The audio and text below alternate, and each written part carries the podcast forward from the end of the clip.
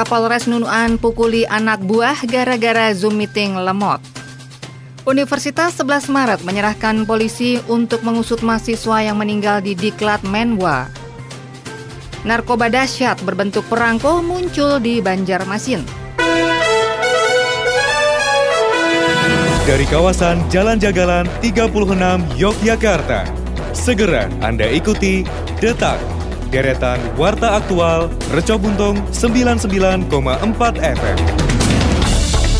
Selamat petang pemirsa, itulah tadi beberapa informasi yang dapat Anda ikuti dalam program Detak Deretan Warta Aktual Reco Buntung edisi hari ini Selasa 26 Oktober 2021. Saya Asik Eka Dewi, segera kita menuju informasi pertama. Detak, deretan Warta Aktual Reco Buntung. Pemirsa Kapolres Nunuan AKBP Syaiful Anwar diduga melakukan penganiayaan lantaran kesal terhadap kinerja anak buahnya. Kabit Humas Polda Kaltara, Kombes Polisi Budi Rahmat mengatakan, dugaan sementara Kapolres Nunuan memukuli anggotanya karena kesal, tidak menjalankan tugas dengan baik. Budi mengatakan peristiwa bermula ketika Kapolres tengah mengikuti acara Puncak Hari Kesatuan Gerak Bayangkari melalui video conference dengan Mabes Polri dan Polda Kaltara. Akan tetapi di tengah-tengah acara dikabarkan terdapat gangguan teknis yang membuat Kapolres memanggil korban. Hanya saja yang bersangkutan tidak kunjung memberikan jawaban atau menemui Kapolres. Hal tersebut yang kemudian diduga mengakibatkan Kapolres kesal dan tidak terima terhadap Brigadir SL yang berujung pada tindakan penganiayaan. Sebelumnya AKBP Saiful Anwar diduga menganiaya anak buahnya dan terekam dalam sebuah rekaman CCTV di Polres Nunuan. Video pemukulan itu berdurasi sekitar 43 detik dan terlihat diambil pada Kamis 21 Oktober lalu. Dalam video yang diterima CNN Indonesia.com terlihat Bintara yang menjadi korban itu sedang menggeser meja yang berada di tengah ruangan yang diduga terkait kegiatan bakti sosial angkatan. Selang beberapa waktu kemudian ada seorang perwira polisi yang menendang bagian perut korban beberapa kali hingga tersungkur. Bintara itu kemudian terlihat seperti menahan kesakitan di bagian perutnya hingga terjatuh. Kemudian Kapolres itu kembali menendang korban sekali lagi. Aksi pemukulan itu menarik perhatian sejumlah anggota polisi yang berada di ruangan tersebut, sehingga akhirnya seorang wanita yang mengenakan pakaian berwarna merah muda menenangkan Kapolres.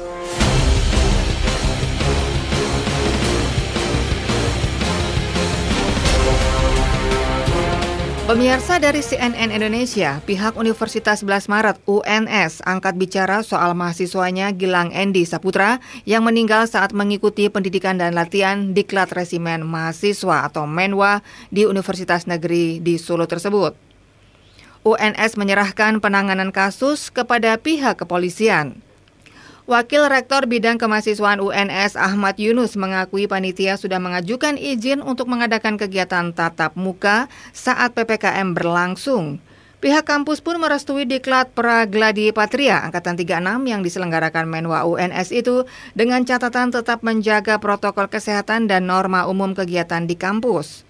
Direktur Reputasi Akademik dan Kemahasiswaan UNS Sutanto mengatakan pihak kampus juga sudah meminta keterangan lebih lanjut dari pihak panitia setelah peristiwa terjadi. Dari keterangan yang diperoleh, panitia mengklaim kegiatan berlangsung sesuai aturan dan prosedur yang ditetapkan kampus. Sedianya diklat tersebut diselenggarakan tanggal 23 hingga 31 Oktober 2021. Sutanto mengakui acara diklat tersebut memang syarat kegiatan fisik. Namun Gilang tidak pernah mengeluhkan kesehatannya selain mengalami kram di kaki saat masih berada di kampus. Gilang juga tidak melaporkan adanya penyakit bawaan saat mengisi formulir pendaftaran dari panitia. Gilang dikabarkan meninggal usai mengikuti latihan rappelling di Jembatan Juruk pada hari Minggu 24 Oktober. Ia bahkan sempat mengikuti latihan menuruni ketinggian dengan menggunakan tali. Menyikapi kasus tersebut, Sutanto mengatakan pihaknya tidak mau tergesa mengambil kesimpulan. Ia beralasan UNS mengedepankan asas praduga tak bersalah sehingga masih menunggu bukti yang lebih kuat. Ia berharap hasil otopsi dan penyelidikan dari Polresta Surakarta bisa memberikan kepastian mengenai nasib Gilang yang meninggal saat berkegiatan di kampus. Meski demikian, ia memastikan UNS akan mengambil langkah yang tegas jika terbukti ada pelanggaran prosedur yang mengakibatkan meninggalnya Gilang.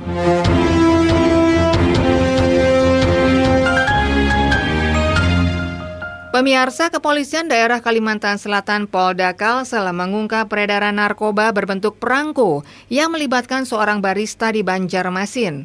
Tersangka MF 21 tahun, seorang barista yang cukup terkenal di Banjarmasin, ditangkap saat menerima paket narkoba berbentuk perangko yang dipesannya melalui online. Demikian Kasubdit 1 Direktorat Reserse Narkoba Polda Kalsel, AKBP Melki Barata, Senin 25 Oktober dikutip Antara. Polisi menemukan 10 keping narkotika jenis 2CB berbentuk perangko yang kini dijadikan barang bukti. Polisi menangkap tersangka di Jalan Rawasari Ujung, Kota Banjarmasin. Terungkapnya peredaran narkoba jenis baru itu bermula dari informasi masyarakat yang ditindaklanjuti tim Opsnal Subdit 1 Ditres Narkoba Polda Kalsel. Polisi pun menangkap MF di rumahnya pada Jumat 22 Oktober lalu dan ditemukan narkoba yang kerap disebut pula dengan istilah kertas dewa tersebut. Hal itu kasus pertama yang ditemukan di Kalimantan Selatan. Narkoba jenis ini efeknya cukup dahsyat bagi penggunanya, sehingga sangat berbahaya. Demikian dijelaskan Melki, mewakili Direktur Reserse Narkoba Polda Kalsel, Kombes Polisi Tri Wahyudi. Diketahui kertas dewa yang mengandung bromodimetoksifenil yang menyebabkan halusinogen atau halusinasi penggunanya hingga berdampak buruk bagi kesehatan dan mental manusia. Melki menghimbau kepada masyarakat terutama para orang tua agar lebih waspada lagi mengawasi pergaulan anaknya yang kini begitu rawan terpengaruh bermacam jenis narkoba. Detak, deretan warta aktual Reco Buntung.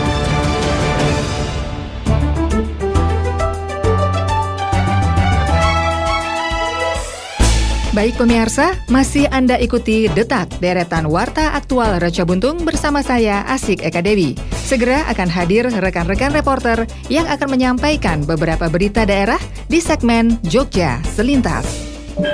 Baik, terima kasih Asik. Pemirsa Jogja Selintas diawali dari Sleman dan Kulon Progo. Kelompok pembudidayaan ikan tawar yang tergabung dalam Minawarta Koperasi Pena Kencana PBI DIY di Margolue, Sayegan, Sleman. Hari Senin kemarin kedatangan tamu istimewa. Mereka adalah PLT Kadis Pertanian, Pangan dan Perikanan Kabupaten Sleman, Suparmono didampingi Kabit Perikanan Sri Purwaningsih, serta penyuluh perikanan ahli Sleman Widyo Satrio penyuluhan perikanan Bantu Kapanewon Sayegan, Satrio Anggoro. Staf Bidang Perikanan Ovintia dan Ulu-Ulu Margolue Sutikno. Kehadiran mereka disambut Ketua Minawarta Nadi Mulyadi, Ketua Koperasi Pena Kencana PBIDIY Mas Hada, dan juga lainnya. Dalam kesempatan tersebut, Suparmono menyemangati kelompok pembudidayaan ikan tawar tersebut untuk lebih maju dan siap membantu, bahkan bisa menjadi bagian dari pariwisata di Kabupaten Sleman. Sri Purwaningsih banyak memberikan masukan termasuk mendorong Mina Warta untuk lebih semangat lagi dalam membangun tempat usahanya. Ke depan akan banyak bantuan seperti pompa air dan akan dilakukan pelatihan khusus kepada Mina Warta.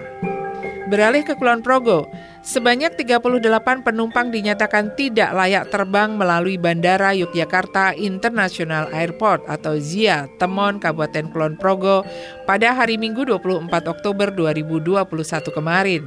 Mereka gagal terbang karena kebijakan yang dikeluarkan pemerintah yang tertuang pada surat edaran nomor 88 tahun 2021 yang mensyaratkan hasil negatif tes usaha polymer chain reaction atau PCR yang resmi diberlakukan di hari tersebut.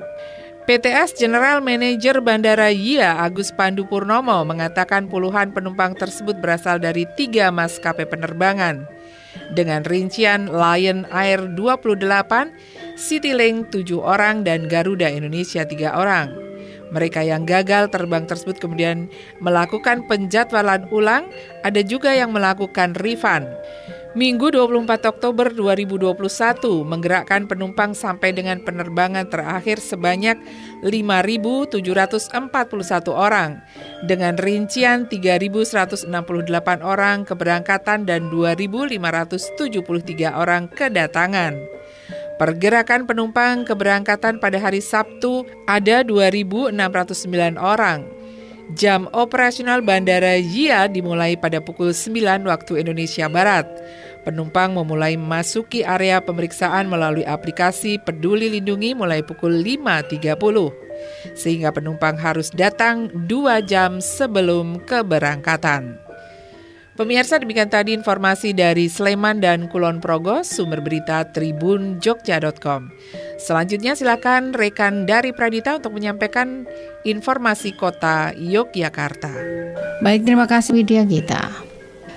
Pendengar, Gubernur DIY Sri Sultan Hamengkubuwono ke-10 mendukung kegiatan konkret Badan Pembinaan Ideologi Pancasila atau BPIP dalam memperingati Sumpah Pemuda dalam bentuk percepatan vaksinasi. Kegiatan menargetkan sedikitnya 100 orang sebagai sasaran vaksinasi. Kepala BPIP Yudian Wahyudi usai bertemu dengan Gubernur DIY Sri Sultan Hamengkubuwono ke-10 di Gedung Wilis pada Senin 25 Oktober menyatakan Gubernur siap mendukung kegiatan tersebut. Selain dalam rangka mempercepat vaksinasi, juga untuk memperkuat ideologi Pancasila bagi warga DIY. Kegiatan ini sekaligus dalam rangka memperingati Hari Sumpah Pemuda.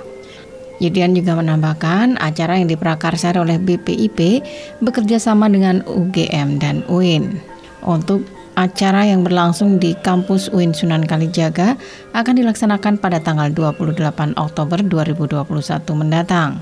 Sementara itu, Kepala Bapeda DIY Beni Suharsono menyatakan pada intinya pertemuan tersebut merupakan upaya gerakan mempercepat proses vaksinasi dari BPIP. Kegiatan ini diharapkan akan mampu memberikan manfaat bagi kesehatan dan kekebalan komunal di masyarakat, sekaligus meningkatkan ideologi Pancasila. Pendengar wahana wisata edukasi Taman Pintar Yogyakarta kembali dibuka. Menurut Kepala Seksi Kerjasama dan Pemasaran Kundo Kabudayaan atau Dinas Kebudayaan Kota Yogyakarta Karmila, sejak tutup karena adanya PPKM darurat, Taman Pintar belum dibuka. Namun, mulai tanggal 20 Oktober 2021, semua wahana mulai dibuka kecuali wahana PAUD dan beberapa alat peraga interaksi yang banyak disentuh belum bisa dibuka. Namun demikian, pengunjung harus memenuhi beberapa persyaratan untuk bisa berkunjung di Taman Pintar Yogyakarta. Di antaranya sesuai standar operasional di masa pandemi, yaitu Sebelum masuk area Taman Pintar, pengunjung diwajibkan cek suhu tubuh, scan barcode peduli lindungi, menuliskan identitas, dan mencuci tangan di tempat yang telah disediakan. Sedangkan untuk jam operasional Taman Pintar, dibuka setiap hari Selasa hingga Minggu dan hari libur nasional pukul 8.30 hingga 16 waktu Indonesia Barat. Selanjutnya, Carmila juga menyatakan bahwa para pengunjung yang datang nantinya akan dipandu oleh petugas. Selain itu, sudah ada barcode virtual guide di beberapa alat peraga yang bisa diakses pengunjung untuk mengetahui informasi mengenai alat peraga tersebut. Carmila juga menyatakan tahap pembatasan kuota pengunjung tahun pintar juga diberlakukan, yakni pengunjung yang datang dalam satu waktu hanya diperbolehkan 25% dari biasanya atau sekitar 750 orang perharinya. Carmela juga menyatakan sejak dibuka tanggal 20 Oktober hingga 24 Oktober, pengunjung yang datang ke Taman Pintar Yogyakarta telah mencapai 3.000 pengunjung. Saat ini, Taman Pintar Yogyakarta menurut Carmila juga telah memperoleh sertifikat CHSE dan barcode peduli lindungi sehingga dapat menjadi pilihan wisata edukasi yang sesuai protokol kesehatan bagi masyarakat. Demikian informasi dari Kota Yogyakarta, saya dari Pradita. Segera kita menuju ke rekan Widya Gita. Baik, terima kasih dari Pemirsa kembali bersama saya Widya akan saya sampaikan informasi dari Bantul dan Gunung Kidul. Sidang lanjutan kasus sate sianida yang menewaskan anak pengemudi ojek online di PN Bantul kembali digelar.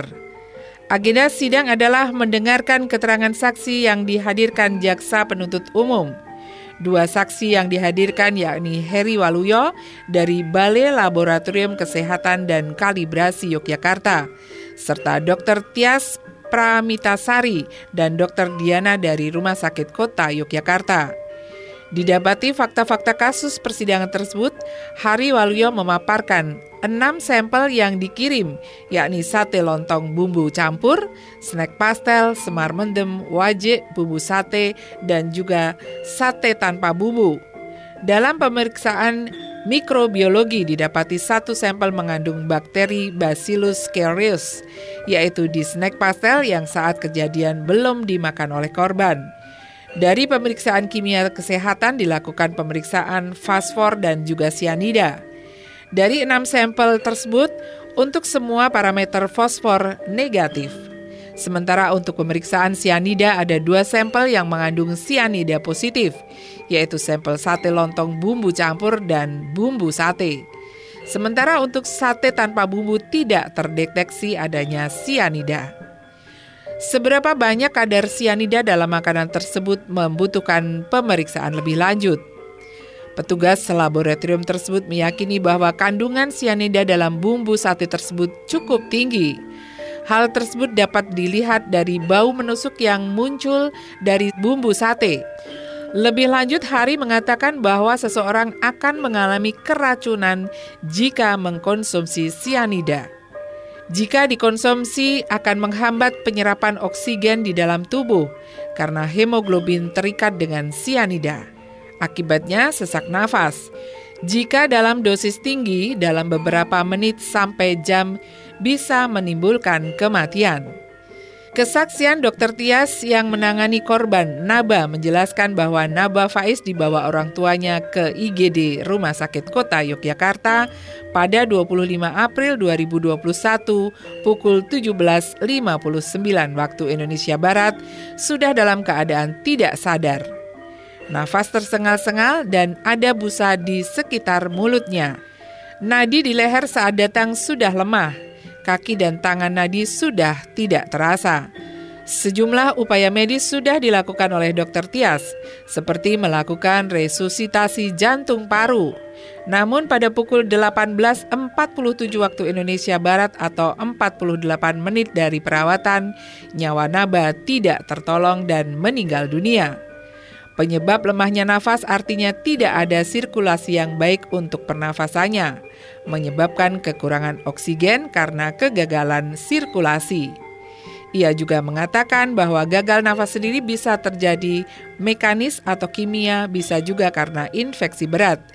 Namun dari tanda-tanda fisik seperti mulut berbusa, mulut kebiru-biruan, Kuku tangan serta kuku kaki yang kebiru-biruan merupakan mati lemas kekurangan oksigen karena mekanis atau kimia. Pemirsa kita beralih ke Gunung Kidul. Suswaningsih terpilih menjadi penerima Kalpataru Pengabdi Lingkungan. Penyuluhan dari Balai Penyuluhan Pertanian Kapanewon Rongkop menjadi satu-satunya perempuan asal Gunung Kidul yang berhasil meraih penghargaan Kalpataru. Suswaningsih meraih penghargaan tersebut karena perhatiannya pada pelestarian lingkungan di Gunung Kidul. Kegiatan yang sudah digelutinya sejak 1996 silam. Hari Senin 25 Oktober 2021, ia diundang secara khusus untuk bertemu dengan Bupati Gunung Kidul Sunaryanto. Suswaningsih mempunyai tiga program yang menjadi jurus dalam melestarikan lingkungan di bumi Handayani. Kegiatannya adalah ketahanan konservasi lahan kritis, ketahanan pangan, dan pemanfaatan sumber pangan lokal. Program pendampingan lahan kritis dilakukan di Kelurahan Melian Rongkop, sedangkan pengelolaan lahan pangan di Kelurahan Karangguni. Suswaningsih mengatakan ia berupaya agar lahan tidur bisa dimanfaatkan secara optimal untuk pengembangan tanaman pangan termasuk berbagai jenis tanaman kayu-kayuan hingga tanaman lokal. Warga didampingi dalam mengelola hasil pertanian dengan tetap menjaga kondisi lahan. Konservasi dengan tanaman kayu-kayuan memanfaatkan lahan seluas 5 hektar are. Termasuk pengembangan lahan konservasi di lahan seluas 203 hektar are, serta budidaya tanaman pangan dengan sistem tumpang sari di lahan seluas 903,7 meter persegi. Suswaningsih berupaya agar warga memaksimalkan lahan pekarangan sekitar rumah dengan penanaman sayur hingga pakan ternak termasuk pengolahan dan pemanfaatan pupuk kandang. Upaya kerasnya selama bertahun-tahun membuahkan hasil manis. Tidak hanya berhasil menjaga kondisi lahan agar tetap produktif, masyarakat yang terlibat juga merasakan peningkatan kesejahteraan. Dampaknya terutama dirasakan selama tiga tahun terakhir. Demikian dikatakan Suswaningsih. Hingga kini pendampingnya tersebut masih terus berjalan, termasuk mengembangkan hasil pertanian menjadi makanan olahan seperti jenang, keripik pisang, dan sebagainya yang dikelola oleh kelompok wanita tani setempat. Nama Suswaningsih diusulkan ke Kalpataru oleh Dinas Pertanian Pangan Gunung Kidul pada 2020 lalu. Setelah melewati berbagai proses penilaian dari tingkat provinsi hingga nasional, ia akhirnya berhasil meraih predikat bergengsi di bidang lingkungan. Bupati Gunung Kidul Sunaryanto turut menyampaikan rasa bangganya saat memberikan penghargaan Kalpataru langsung kepada Suswaningsih. Apa yang sudah dirintis oleh Suswaningsih jelas berdampak nyata pada kesejahteraan masyarakat sekaligus menjaga lahan kritis. Pemirsa demikian tadi informasi dari Bantul dan Gunung Kidul sumber berita Tribun Jogja.com. Selanjutnya kita beralih ke rekan Asik Eka Dewi untuk menyampaikan informasi yang terakhir.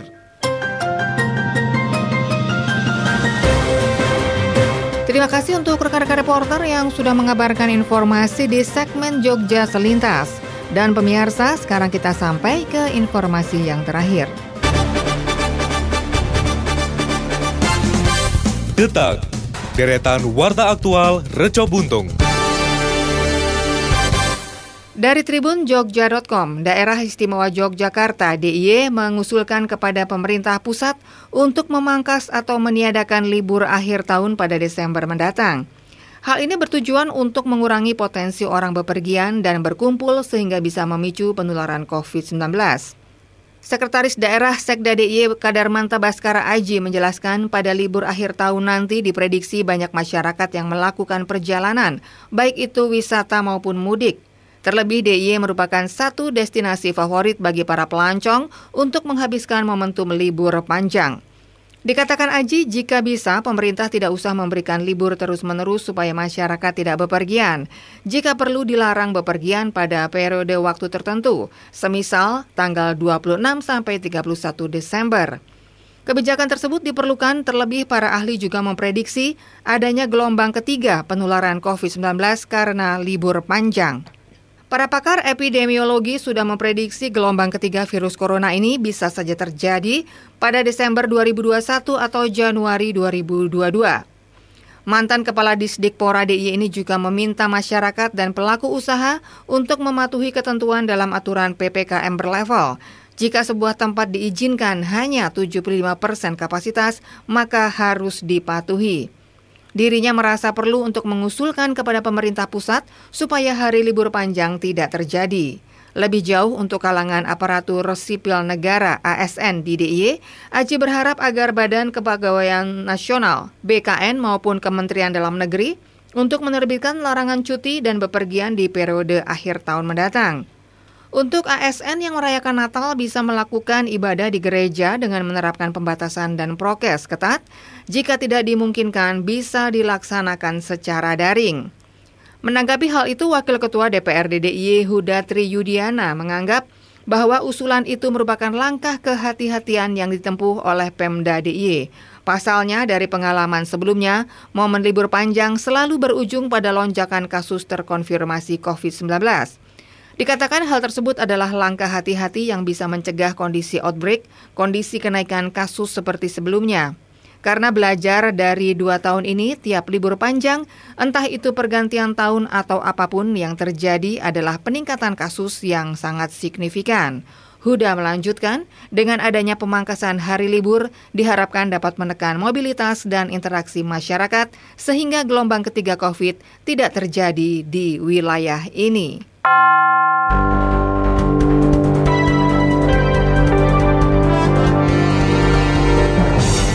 Pemirsa waspada virus corona. Penularan dari manusia ke manusia lewat cairan, batuk, bersin, dan berjabat tangan. Virus ditularkan jika Anda menyentuh cairan orang terinfeksi, lalu menyentuh area mata, hidung, mulut. Gejala-gejala yang perlu diperhatikan: batuk, pilek, sakit tenggorokan, demam, sakit kepala, dan sesak nafas. Hotline Kemenkes terkait virus corona di 021 5210 411 atau 081 2121 23119.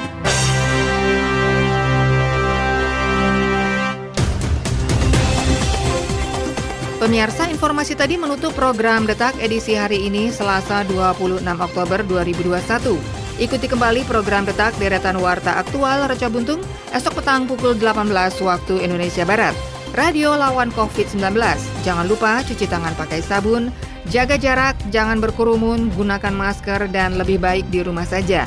Saya Asik Eka Dewi, selamat petang dan sampai jumpa. Pemirsa, telah Anda ikuti Detak, deretan Warta Aktual, Produksi, Reco Buntung 99,4 FM.